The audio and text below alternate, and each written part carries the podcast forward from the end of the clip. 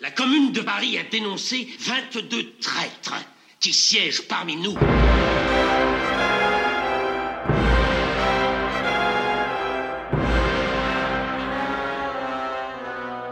De Franse Revolutie met Johan op de Beek.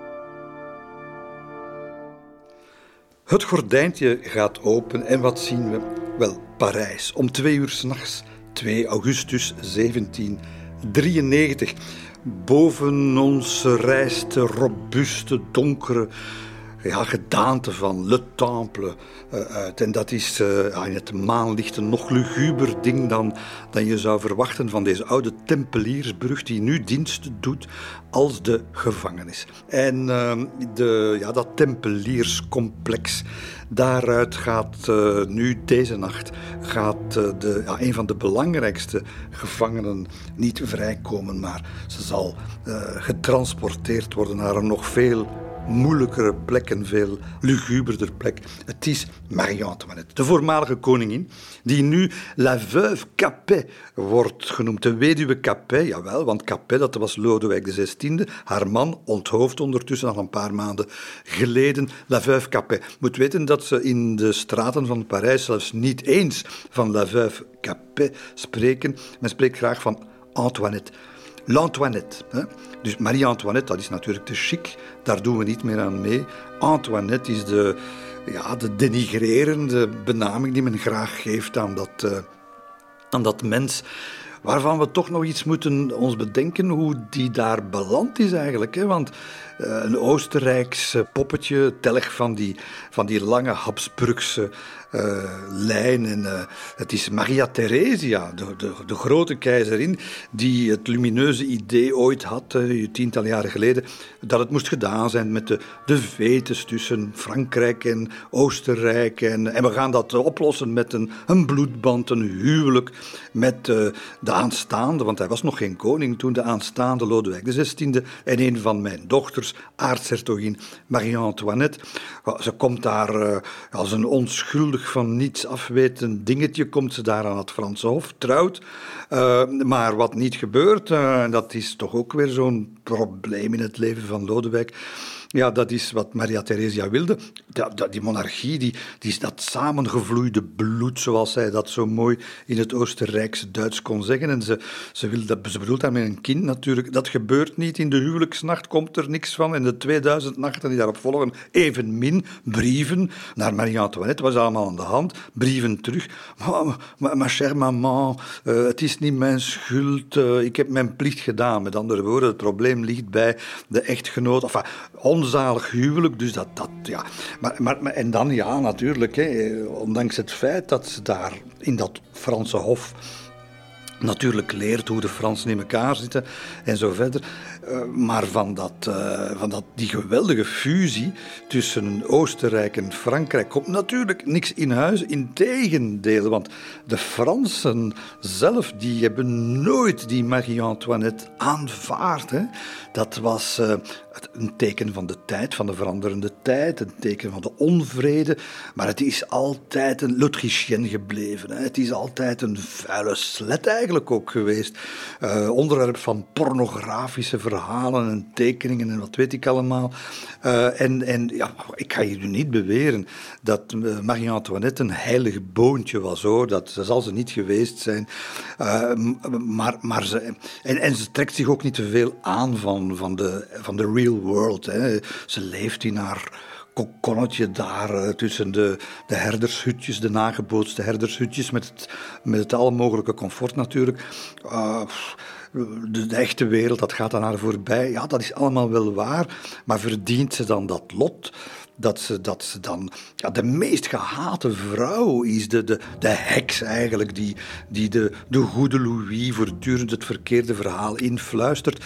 Dat is haar rol op het einde van het, van het koninkrijk geweest. En dat gaat ook haar, haar, haar ja, het einde van haar leven bepalen. Want wanneer ze daar vastzit in de Temple en haar man al onthoofd is. Eigenlijk weet de revolutie, of weten de revolutionaire leiders niet zo goed wat ze met haar moeten doen. Um, die, eigenlijk is die vrouw ja, ze is gehaat, maar ze is ook onschadelijk. Hè.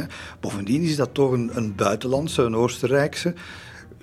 Wil je nu uh, de Oostenrijkers die al tegen Frankrijk zijn en al tegen de revolutie in de republiek en zo verder zijn, willen die nog meer in het harnas jagen door die vrouw iets aan te doen. En bijvoorbeeld een Robespierre, daar kan men zich dat zo van inbeelden, die geslepen, dat geslepen politieke brein die zit daar wat met de handen in het haar. Ja, wat zeg ik, dat is natuurlijk zijn pruik. Maar hij, hij, is niet van plan hoor, om die, om die Marie-Antoinette uh, te kiel halen.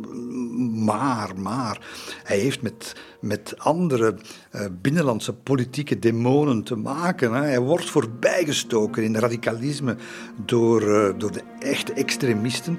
Want na de dood van Marat, de moord op Marat, is het nu Jacques Hébert met zijn, ja, met zijn schandaal krant, hè, Le Père Duchesne, die, uh, die eigenlijk nog, nog veel straffer is dan, dan Robespierre. En, en dat is zo'n soort van politiek opbod tussen die twee. Je hebt dat nog eh, nog, nog, echt zo de, de egalitaristen, zoals Roux en zo, die daar ook nog rond, rondzweven. En, en dat opbod dat bestaat erin van eigenlijk altijd maar nog, nog, nog straffere standpunten in te nemen. De reden komt daar niet meer aan te pas. Het gezond verstand, dat is helemaal verdwenen.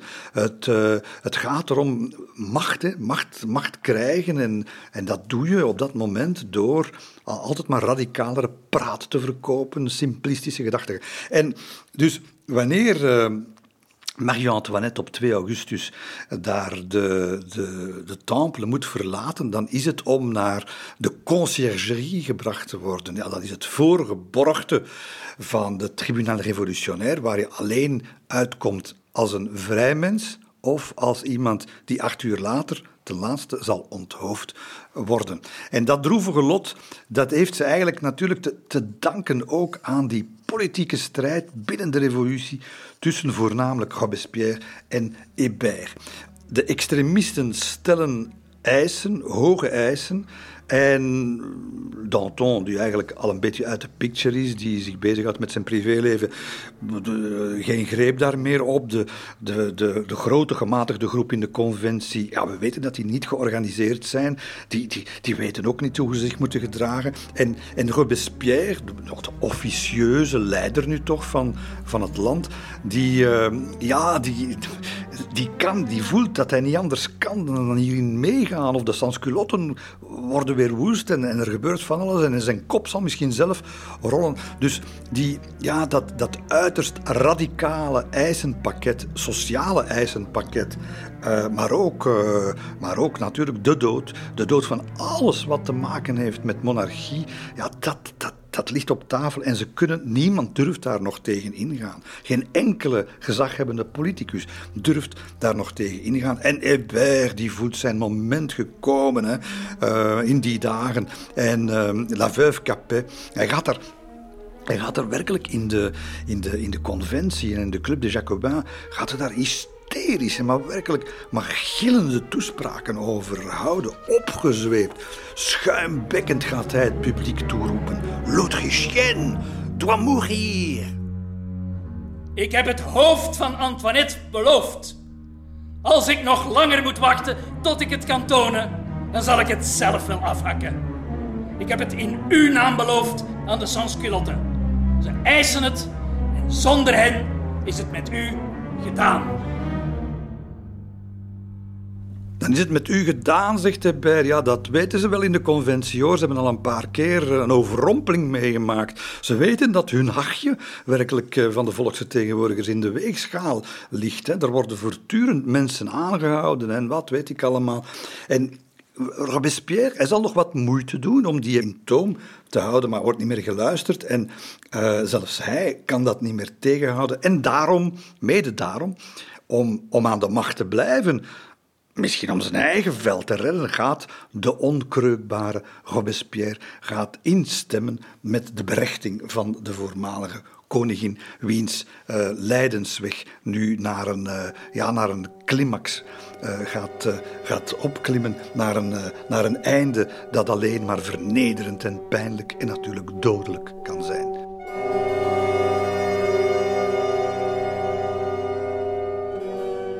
Antoinette, Marie-Antoinette zit uh, al maanden in, alleen in de cel en van uh, de schaarse bezoekers die ze af en toe mag ontvangen, uh, weten we dat ze, dat ze, ze is een schaduw van zichzelf. Hè. Het was toch een vrouw met uitstraling. Je kunt twisten over de schoonheid en zo verder. Maar, maar het, was, het was wel iemand. Nee, bleek is ze geworden, uitgemergeld. Ze eet nog nauwelijks. Er zit ook een ziekte in haar lichaam, we weten niet precies wat. En ze is opgevreten van verdriet.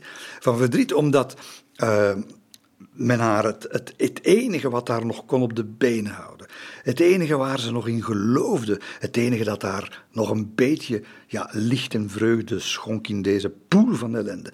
Dat heeft men haar afgenomen en dat is haar zoontje de dauphin. De dauphin is, is, is weggenomen uh, onder toedoen van Jacques Hébert, die, voor wie geen straf natuurlijk te zwaar kan zijn. En hoe kan je, hoe kan je een, uh, een moeder meer straffen natuurlijk dan haar kind weg te nemen van haar? En het is onder, onder ja, het is werkelijk een, een, een, hallucinante scène. Zelfs de, de wachters uh, van, van Le Temple, de, de, de nationale gardisten die dat bevel moesten uitvoeren, die die, zijn daar niet goed van geweest. Wanneer Marie-Antoinette ziet die mannen binnenkomen, ziet, ziet de, dat dat kind overrompeld worden, uit haar, werkelijk letterlijk uit haar armen gesleurd worden. En ze, ja, ze begeeft het, dus ze zal zich ja, hoe kan je je waardigheid van koningin bewaren in zo'n moment als je als moeder moet vechten voor het laatste wat je nog hebt voor je kind? En het moet, het moet een tragedie, een mini-tragedie geweest zijn die zich in de donkerste holen van Le Temple heeft afgespeeld.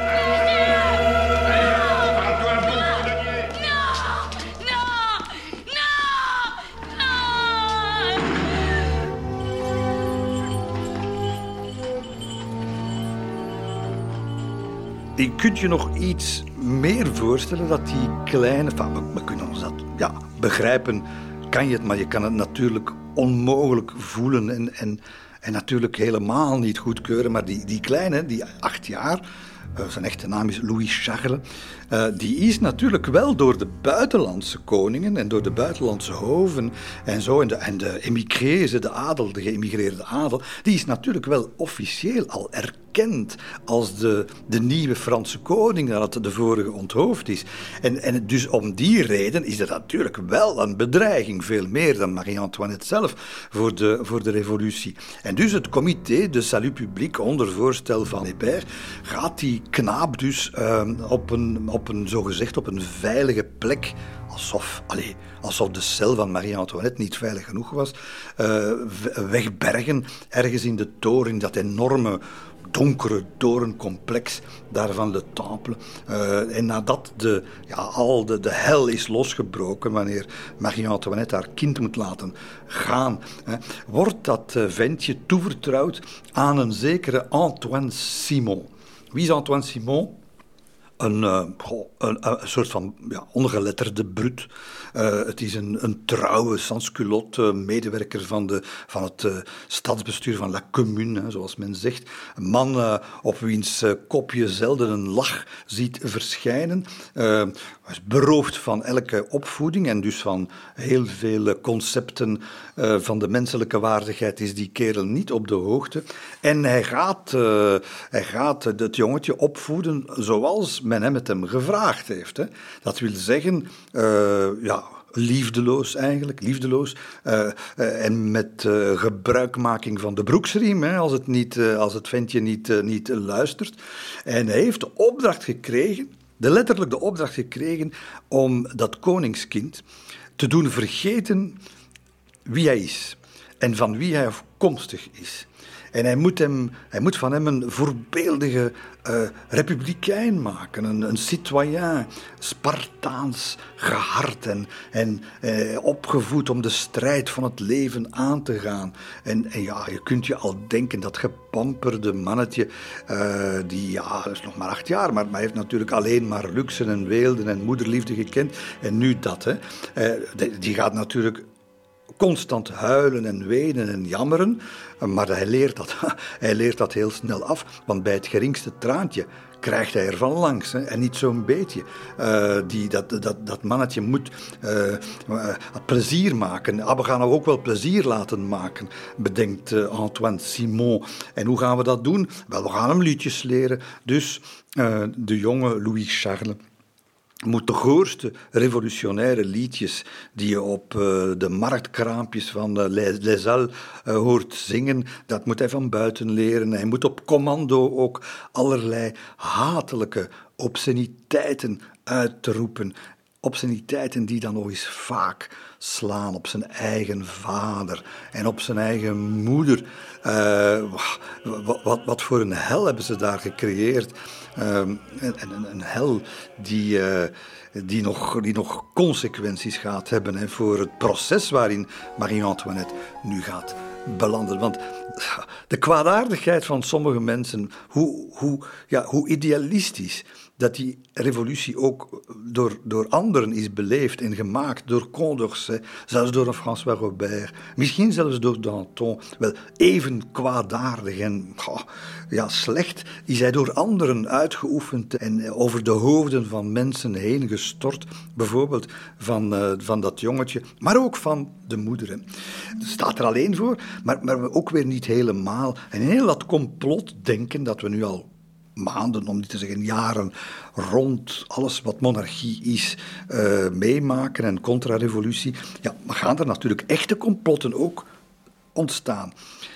We weten bij de, ik heb het al over verteld, uh, bij de ontsnapping, die, die koldereske, compleet mislukte ontsnapping van de koninklijke familie slecht in elkaar gestoken, zoals alles wat hij deed slecht was georganiseerd door de koning, naar Varennes, hè, waar ze gepakt worden en dan teruggebracht worden. Wel, daar was daar natuurlijk het brein van die ontsnapping, eh, en hij was er dan uiteindelijk niet bij, was de amant misschien de platonische amant, maar de amant van uh, Marie-Antoinette, dat is die, uh, die Scandinaaf, die von Fernsen. En die gaat natuurlijk het, de oogappel van zijn dromen niet zomaar in de steek laten, wanneer ze daar in de Temple is opgesloten. En Fernsen, trouwens met andere Franse edelen, militairen, gaat verschillende malen zelfs uh, ontsnappingsplannen smeden en dat gaat soms zelfs bijna een paar keer zelfs dicht in de buurt komen van succes. Maar ze gaan altijd verraden worden en ja, dat kan natuurlijk niet lukken.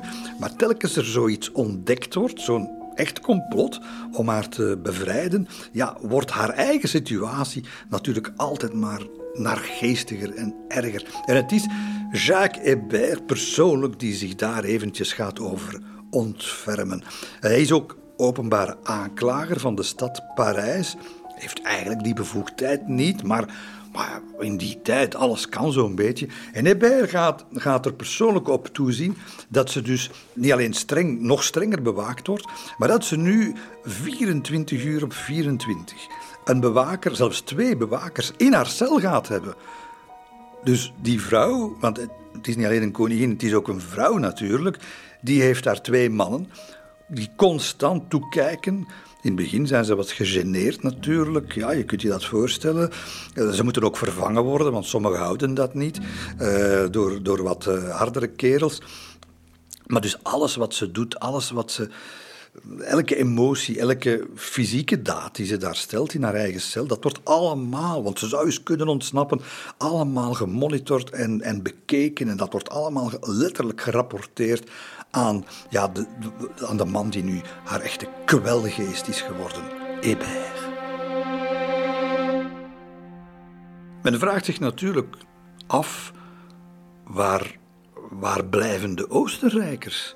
Want wij hebben het hier wel niet alleen over de Franse koningin of ex-koningin, we hebben het natuurlijk ook wel over een, een, een telg van de Habsburgers, een aartshertogin van het Oostenrijkse keizerrijk. Uh, zitten, die daar, zitten die daar niet mee in? Zijn die niet... Nee, nee zit, het kan ze niet schelen. De, de Oostenrijkse familie van Marie-Antoinette... Eigenlijk al, het is al begonnen van onder Jozef II, die is ondertussen al overleden. Maar die had eigenlijk al vanaf het begin van de revolutie gezegd dat uh, Wenen niks kon doen voor het Franse vorstenpaar. Fraai. En zijn opvolger, Frans II, uh, die eigenlijk even Leopold II, die is er ook al geweest, die is ook al dood. Die Frans II is dienstopvolger. Wel, die, die, die, die is zelfs niet meer geïnteresseerd in het lot van de persoon die zijn tante is. Hè? Zijn tante. En van wie weten we dat eigenlijk allemaal? Ah, het is natuurlijk een man die uh, zeer goed ingelicht was over wat er aan het Oostenrijkse Hof allemaal gebeurde, die inside knowledge had tot op het allerhoogste niveau. Het is niemand minder dan Napoleon, die in zijn memoires, want hij is niet vergeten, ook getrouwd hè, met een Oostenrijkse.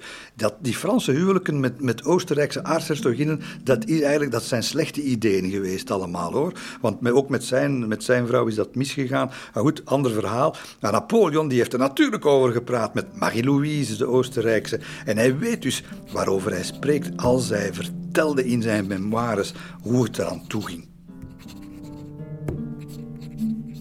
Het is een vaste gewoonte in het Huis van Oostenrijk om te zwijgen over de Franse koningin.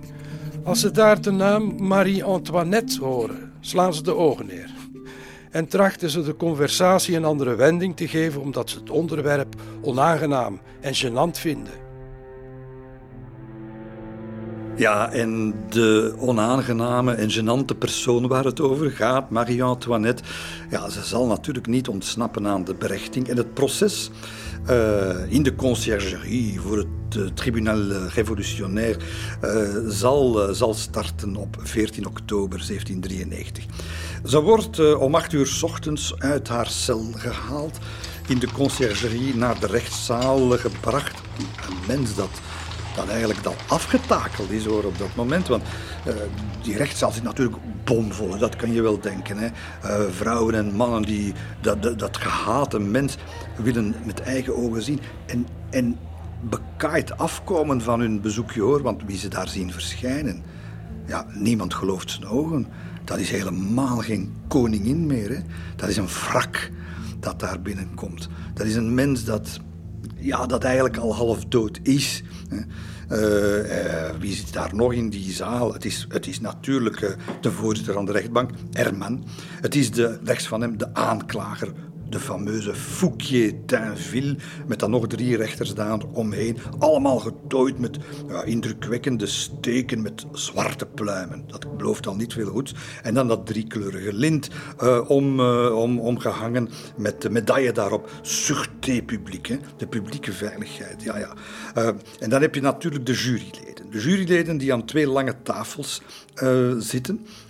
juryleden ja, maar dat zijn natuurlijk allemaal met de hand geselecteerde, trouwe, uh, extreem, uh, extreme sansculotten, waarvan ze, waarvan ze heel goed weten hoe die denken over de hele zaak. Maar er kan natuurlijk geen, geen schijn van twijfel over bestaan hoe, de, hoe het hele proces moet aflopen. Een schijnproces natuurlijk natuurlijk. Hè. En daar tegenover, eh, tegenover heel dat theatertje, daar staat eh, is een, lage, een laag eh, afspanningetje zo. En dan heb je de, het volk. Dus het is eigenlijk bakken mensen die daar, die daar klaarstaan, die dat allemaal zien. Uh, het is trouwens achter hen dan dat er drie zeer hoge ramen van de conciergerie oprijzen. Uh, je kunt als je je omdraait, niemand is daarin geïnteresseerd, om dan de scène te zien. Want nou, dat, dat, dat, zijn andere dingen die ze nu willen zien. Hè. Maar dan, ja, ik kan me dat voorstellen, het, uh, het oktober, het herfstlicht valt in scherpe bundels natuurlijk naar binnen in die, in die donkere zaal. Het was ooit een heel mooie zaal, maar alles wat mooi is, moest eruit. Is allemaal afgebroken. Zelfs de plafonds hebben ze afgebroken, want dat verwijst natuurlijk allemaal naar het ancien regime. En uh, mooi of niet, maar de bijl erin, de hamer erop. Het is een treurige, ja, donkere uh, spelonk geworden, hè, waar, ze, waar ze allemaal samen zitten en waar, ja, waar nu die koningin, ex-koningin staat en waar nog tientallen wat zeg ik, duizenden haar volgen. Uh, de plek waar Marie-Antoinette uh, mag, mag gaan zitten. Maar daar zal later gewoon een tribune worden opgericht, omdat er omdat het te traag gaat. Je kunt daar niet meer één beschuldigde tegelijk. Nee, nee dat is een tribune waar, waar, waar tientallen mensen tegelijkertijd op, met een, als een hamerstuk wordt dat daar afgehamerd. Op een kwartier tijd worden daar dertig mensen ter dood veroordeeld. Zover zijn we nog niet. Maar eh, Marie-Antoinette, eh, zeg ik, mag gaan zitten? Nee, nee, nee, nee. nee. De voorzitter, ja, die zegt, Herman, die zegt, uh, voilà, de beschuldigde mag daar op de beklaagde stoel plaatsnemen. Niks van. Direct luid protest van het publiek. als, we, als die mag gaan zitten, dan kunnen we haar niet meer zien, roepen een paar sansculotte vrouwen. Want daar zijn ze voor gekomen natuurlijk. Dus op, moet ze gaan rechtstaan. Dat mens dat, ja waar iedereen zich over verbaast. Hè. Schamel ziet eruit. Hè. Uh, niks gratie of opsmukken. Alles wat je, je kon inbeelden, fantasmeren, uh, naar aanleiding van de, van de pornografische prenten die bij bakken over haar worden verkocht. Er is niks, niks van aan. Hè. Dat uh, al die karikaturen, ja, je verwachtingen worden dan wel schromelijk onbeantwoord hoor, want dat staat daar een ja, lijkbleek bangelijk uitgemergeld vrouwtje in een opgelapte oude rouwjurk staat ze daar. dat moet een triestig zicht geweest zijn. Maar hebben wij daar medelijden mee in die rechtbank? Geen zins natuurlijk. Hè. En dan ontspint zich, ontspint zich al meteen een, ja, toch wel een, een conversatie is het niet natuurlijk. Het is een, een ondervraging door de voorzitter van de rechtbank van de beschuldigde. En dan blijkt dat dat uitgemergelde schepsel dat hij toch nog niet helemaal uitgeteld is hoor. En dat ze, ondanks het feit dat ze weinig politieke macht had en alleen op het einde een beetje betrokken was bij de zaken, dat ze, dat ze, dat ze in elk geval genoeg verstand had om die politieke macht misschien wel uit te oefenen. Want wanneer de voorzitter zegt. Uh, kijk eens, uh, u heeft angstaanjagend veel geld verspild de financiën van Frankrijk heeft u geplunderd, de vrucht van het zweet van het volk, voor uw genoegens en uw eigen intriges misbruikt in overleg met allerlei beruchte ministers. Wel, dat is een schande. En u heeft dan nog miljoenen doorgesluist naar het eh, Hof van Wenen eh, om te gebruiken tegen het volk dat u gevoed heeft. Ja, dat is geen vraag, dat is gewoon een beschuldiging die de voorzitter van de rechtbank hier uit. Dan gaat zij heel rustig eigenlijk. Ze gaat heel rustig blijven. En ze gaat in de derde persoon enkelvoud over zichzelf dus uh, antwoorden. Zij weet dat deze aantijging vaak tegen haar is gebruikt. Dat ze te veel van haar man hield om het geld van zijn land te verkwisten. Dat haar broer de keizer geen geld uit Frankrijk nodig had. En volgens dezelfde principes die haar aan Frankrijk verbonden, zou ze hem ook niets hebben gegeven. Ah, maar de voorzitter geeft niet op natuurlijk. Hè. Zo rap gaat dat allemaal niet. Louis Capet, dus Lodewijk XVI, eh, die heeft toch zijn veto willen gebruiken tegen onze decreten van de revolutie. Eh, met betrekking precies tot uh, zijn eigen broers, de emigranten. Eh, de ongevoelige, fanatieke priesters die het land terug hebben toegekeerd. En, en bent u het niet geweest, Marie-Antoinette, la veuve Capet, uh, die uh, Louis, de voormalige koning, heeft aangezet om zijn veto uit te spreken over onze decreten? En Marie-Antoinette antwoordt. Haar man hoefde niet onder druk te worden gezet om te doen wat hij geloofde dat zijn plicht was. Zij nam niet deel aan de kroonraad.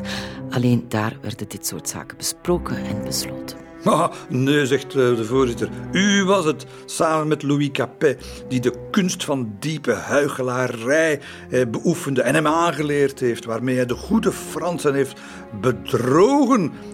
Ah, zegt Marie-Antoinette, bedrogen. Ja, de mensen zijn bedrogen. Ze zijn vreed bedrogen, maar het is nog door haar man, nog door haar.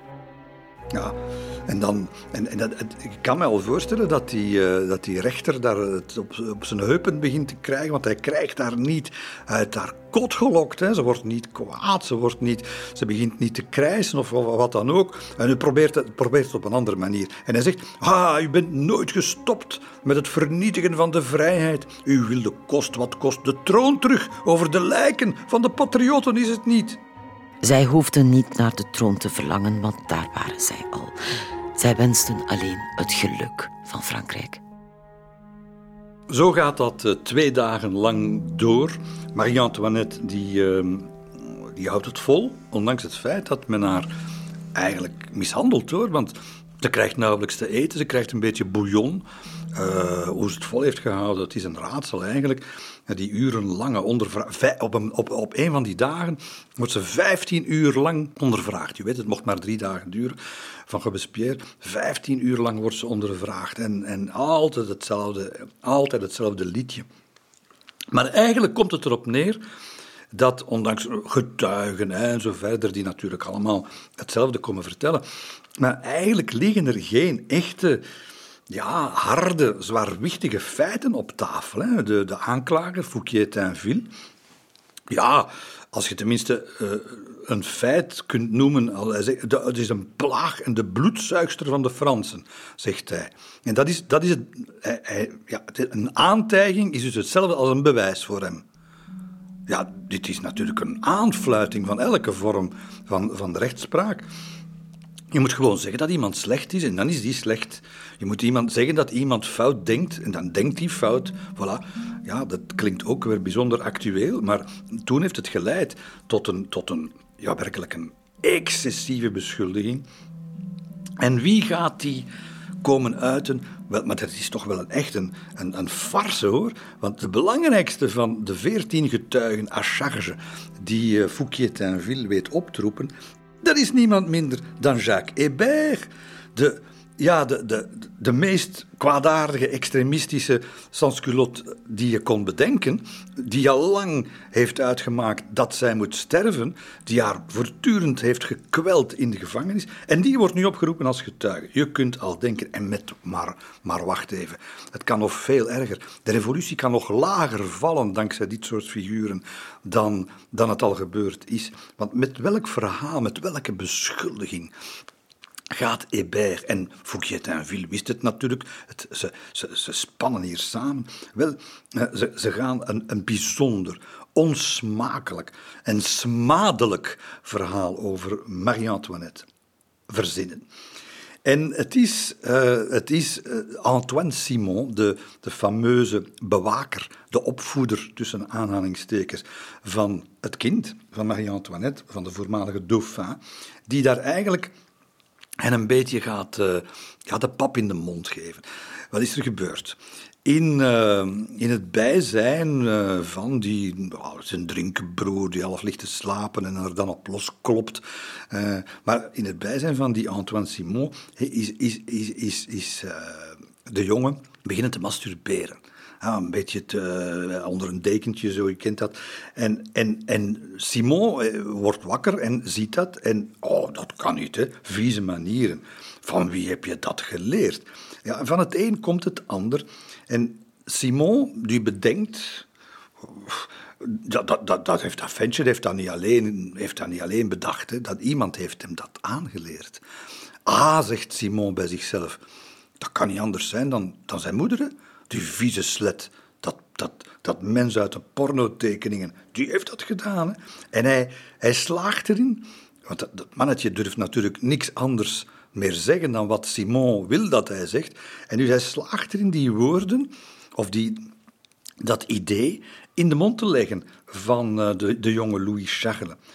Want die heeft natuurlijk geleerd, uh, je kunt maar beter bevestigen wat uh, die, die, die gek hier, die halve garen, uh, zegt, want anders vallen, vallen er sowieso klappen. En dus hij heeft gezegd, hij zal zeggen wat zijn opvoeder wil horen. En dat gaat Simon natuurlijk, dus een aanhanger van die Jacques Hébert, natuurlijk, die gaat dat meteen doorbrieven. Dus wat hij wilde horen en wat hij dat jongetje heeft toen zeggen, gaat hij nu voor waarheid vertellen aan, uh, aan Hébert. En die, is natuurlijk, ah, die denkt, ik heb het gevonden. Aha, ik heb het gevonden. Ligt meteen Fouquier-Tinville in. Ja, en dan denken ze, nu is die, nu is die Marie-Antoinette kansloos. We gaan haar de geringste kans op vrijspraak gaan we nu de grond inboren hè, met deze getuigenis.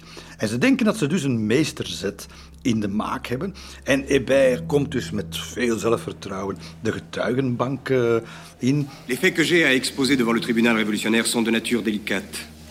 Mais ils doivent être rendus publics. En hij gaat daar, hij gaat daar vertellen, terwijl voorzitter en rechters zitten te luisteren met, met spitse oren en uh, sommigen beginnen te kijken naar hun papieren of naar de toppen van hun, van hun schoenen en de zaal heel stil aan het worden is, hoor je daar Hébert betogen dat Marie-Antoinette en haar eigen zuster Elisabeth de France die kleine dauphin vaak tussen hen in hebben laten slapen. En wat is er dan gebeurd, denkt u? Ah, ze hebben hem de trekken van de meest ongebreidelde losbandigheid ik citeer, hè, de trekken van de meest ongebreidelde losbandigheid aangeleerd. Erger nog, zegt Hébert, de koningin heeft haar zoontje onzedig aangeraakt, met alle gevolgen van dien. Des pollutions indécentes, dames en heren. Indécentes, je ziet het hem zo zeggen met zijn vinger opgeheven naar het plafond, deze extremist. Hij voegt er nog wat macabere details aan toe. En nu is de, de conclusie natuurlijk in hun hoofd van Fouquier Tinville en van die Hébert. Nu hebben we het publiek, nu hebben het publiek helemaal op onze hand. De, wat, ja, een rechtszaak voor het tribunaal revolutionair wordt natuurlijk niet alleen beslecht door, door de rechters, ja, die, die luisteren naar, naar de polsslag van het volk. Hè, want als je dat niet volgt, dan, ja, dan ben je misschien morgen zelf aan de beurt. En wat gebeurt er wel? Marie-Antoinette, die heeft eigenlijk tot nu toe ofwel zeer waardig geantwoord op de aantijgingen, beschuldigingen en zo meer, ofwel niet geantwoord. En, en men, men houdt haar in de gaten. Je ziet haar, haar hoofd knikken, ze, ze, lijkt te breken, maar ze doet niks. En, en dat moment lijkt even voorbij te gaan. En voorzitter Herman, die zelf niet goed werd eigenlijk van die, oh, van die toch scabreuze aantijgingen, die denkt, ik ga dat hier laten passeren en we gaan verder met het proces. Maar dat is buiten de waard gerekend van een van de trawanten van Fouquier-Tinville. En dat is een jurylid. En die, die, zegt, die steekt zijn vinger op en zegt... Ja, maar een momentje, momentje. Uh, die zegt, uh, we moeten hier de beschuldigde toch eens even aan het woord horen... over wat ze te zeggen heeft. Over die... Uh, over die, uh, die ja, dat is toch wel een bijzonder vreselijke aantijging. En nu kan Herman niet anders meer, de voorzitter van de rechtbank... dan rechtstreeks de vraag richten aan Marie-Antoinette. Mevrouw, wat heeft u te zeggen op die, uh, op die beschuldiging van de getuige Hébert? En nu, ze staat, ze staat met de rug tegen de muur. Met een gebroken hart. En een, een eer die aan flarden is. De eer van een moeder die aan flarden is gescheurd. En nu gaat Marie-Antoinette, nadat ze afgetopt is, nadat ze afgemaakt is al urenlang, nu gaat ze eindelijk zich verontwaardigen.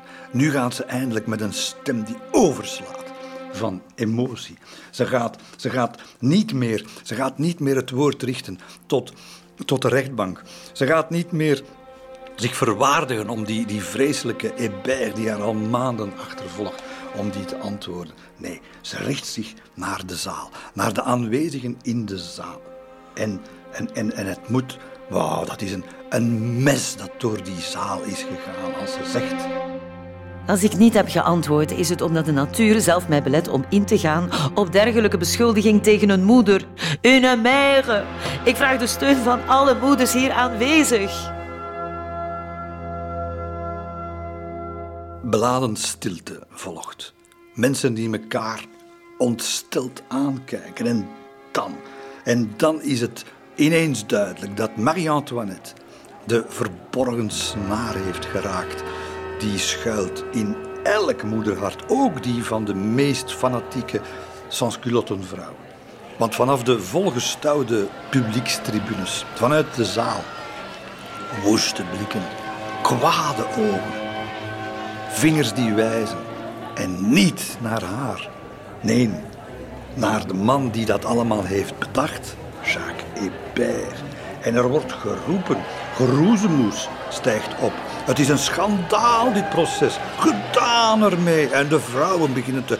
Maar, en de vrouwen, als die kwaad worden, dan kunt u beter bergen, hè? Dan is het afgelopen met u. En de rechtbank in vuur en vlammen. Fouquier-Tinville, die, die weet het niet. Die, kijkt naar, naar papier, wat moet ik doen? Die bijt op zijn lip. En Herman, de voorzitter, die weet hoe laat het is. Hè. Het is tijd om de biezen te pakken. En hij hamert het af, stopt de debatten uh, en, en, en de zitting wordt gewoon opgeheven, gedaan ermee. Jongens, wat een incident zeg. Wanneer Robespierre, die natuurlijk, je kunt al denken, dit, dit, en hij heeft het gezegd hè, en het is waar. Robespierre heeft al lang voor dat proces gezegd van opletten wat we daar doen, want we gaan onszelf in de voet schieten.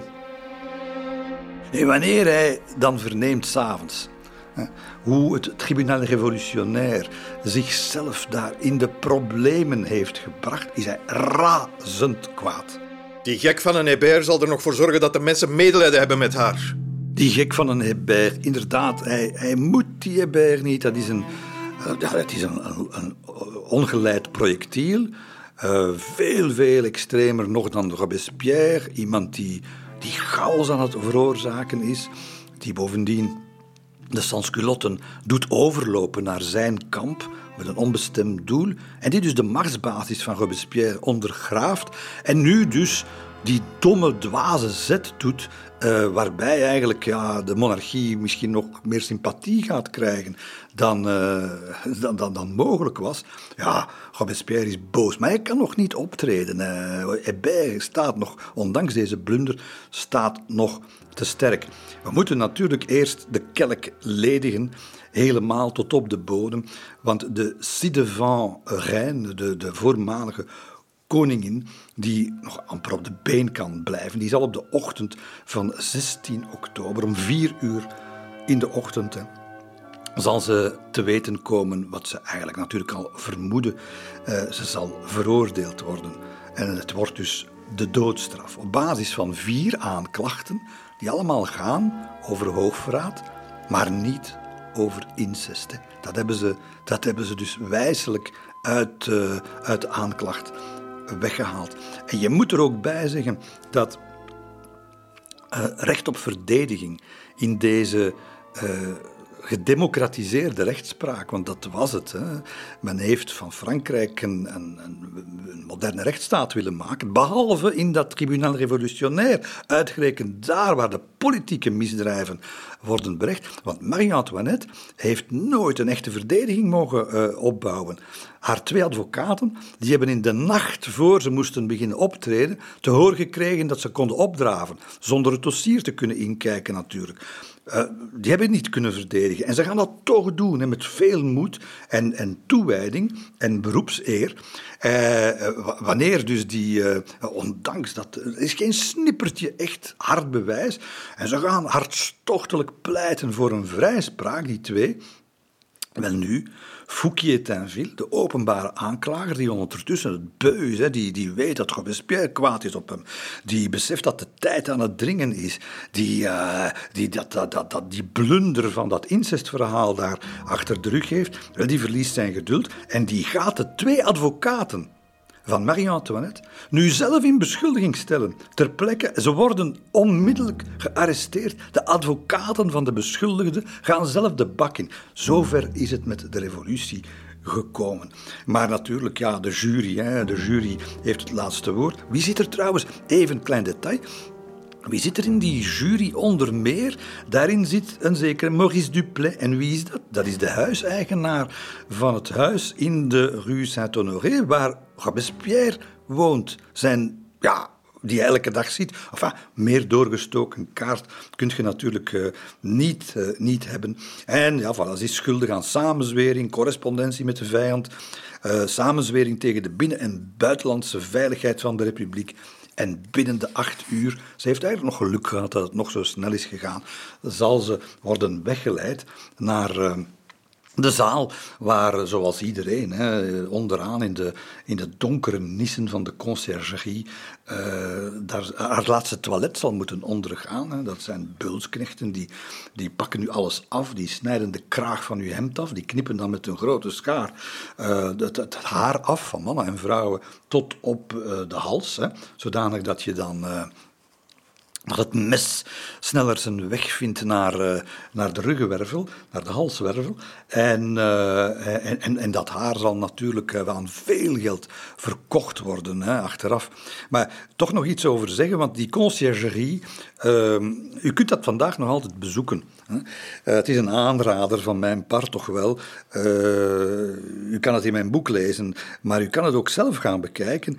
In de conciergerie hebben ze zo, ik ben niet voor die reconstructies, maar, maar dit is wel een goede. Je ziet namelijk de cel waar zij toch een, een flink aantal weken heeft vastgezeten. En waar zij dus uh, open en bloot zat voor iedereen, want ze wordt dus constant bewaakt in die cel. En tegen een betaling gaan die bewakers regelmatig mensen gewoon toelaten om daar een paar uur te komen kijken. Ze, ze kan zelfs ze kan ze bij het aan- en uitkleden zelfs. Hè. Staan daar gewoon kaarsen te branden, moet ze dat... Ja, dat heeft zo'n klein paravantje waar ze zich eh, min of meer kan achterbukken. Maar wat een, wat een onmenselijkheid, wat een, wat een vernedering. Je kan iemand ja, hoe kan je iemand zo haten, zeg, dat je dat, eh, dat, je dat met mensen doet? En, en uh, zelfs als ze naar de pot gaat, of ah, het, is, het, het, het, is, het is niet voor te stellen hoe men, dat, hoe men die vrouw ja, onder de grond heeft willen stoppen, nog lang voor ze onthoofd was. Ja, en, en dan komt natuurlijk de apotheose. 30.000 soldaten staan in de Parijse straten. Ehm, eh, ze krijgt anders dan haar echtgenoot, uh, krijgt, mag ze niet in een karos zitten als ze naar het schavot wordt gereden. Nee, nee, dat is in de fameuze de kar, hè, zoals alle, uh, alle veroordeelden naar, naar hun lot werden toegebracht naar de Place de la Révolution, Place de la Concorde. in de Rue Saint-Honoré, de fameuze straat waar Robespierre woont. Wel, daar gaan ze nog eens stoppen een paar keren. Gaan de mensen nog eens uh, zich goed kunnen uitleven. Hè. Dus de haatkreten weer galmen daar tegen de, tegen de gevels. En, en tussen een, een leidensweg van, van meer dan een uur uiteindelijk. Uh, die, die haar dan uiteindelijk op haar laatste bestemming zullen brengen. Dus Marie-Antoinette stapt, stapt uit. En wanneer ze op het schavot stapt, uh, dan, dan verliest, een, ze verliest haar schoen. Ze wankelt eventjes en ze trapt dan met haar andere voet per ongeluk op de tenen van Sanson. Dat is de beul, die ondertussen uh, geroutineerd is in de zaken die hij moet verrichten. Sanson. En ze zegt, het is eruit, de beleefdheid. Ze kan, het, ze kan zich niet helpen. De beleefdheid die, die natuurlijk onrevolutionair is. Maar ja, zo'n koningin die kan dat niet meer uh, afleren natuurlijk. Hè. Eh, en ze gaat zeggen tegen die beul, tegen Sanson... Monsieur, je vous demande pardon, je l'ai pas fait exprès. Ik verontschuldig mij. Ik heb het niet expres gedaan. Nog arme zeg, wat is dat toch allemaal? Excusez-moi, monsieur. Uh, hup, uh, Sanson die verpinkt geen traan. Natuurlijk bindt haar vast op de plank, plank naar beneden. En voor je het beseft, voor die duizenden omstaanders het beseffen, valt de bijl, spuit het bloed alle kanten op. Hij grijpt het hoofd van de voormalige koningin vast bij de haren, houdt het omhoog, zodat de massa het goed kan zien en roept Vive la République. Wel, op zo'n moment ben je niet trots, denk ik, dat je Vive la République uh, uitroept. De Republiek verdient beter. Maar wat we ook weten is dat de revolutie beter verdient. Want deze executie is niets meer dan een prelude van nog veel, veel erger.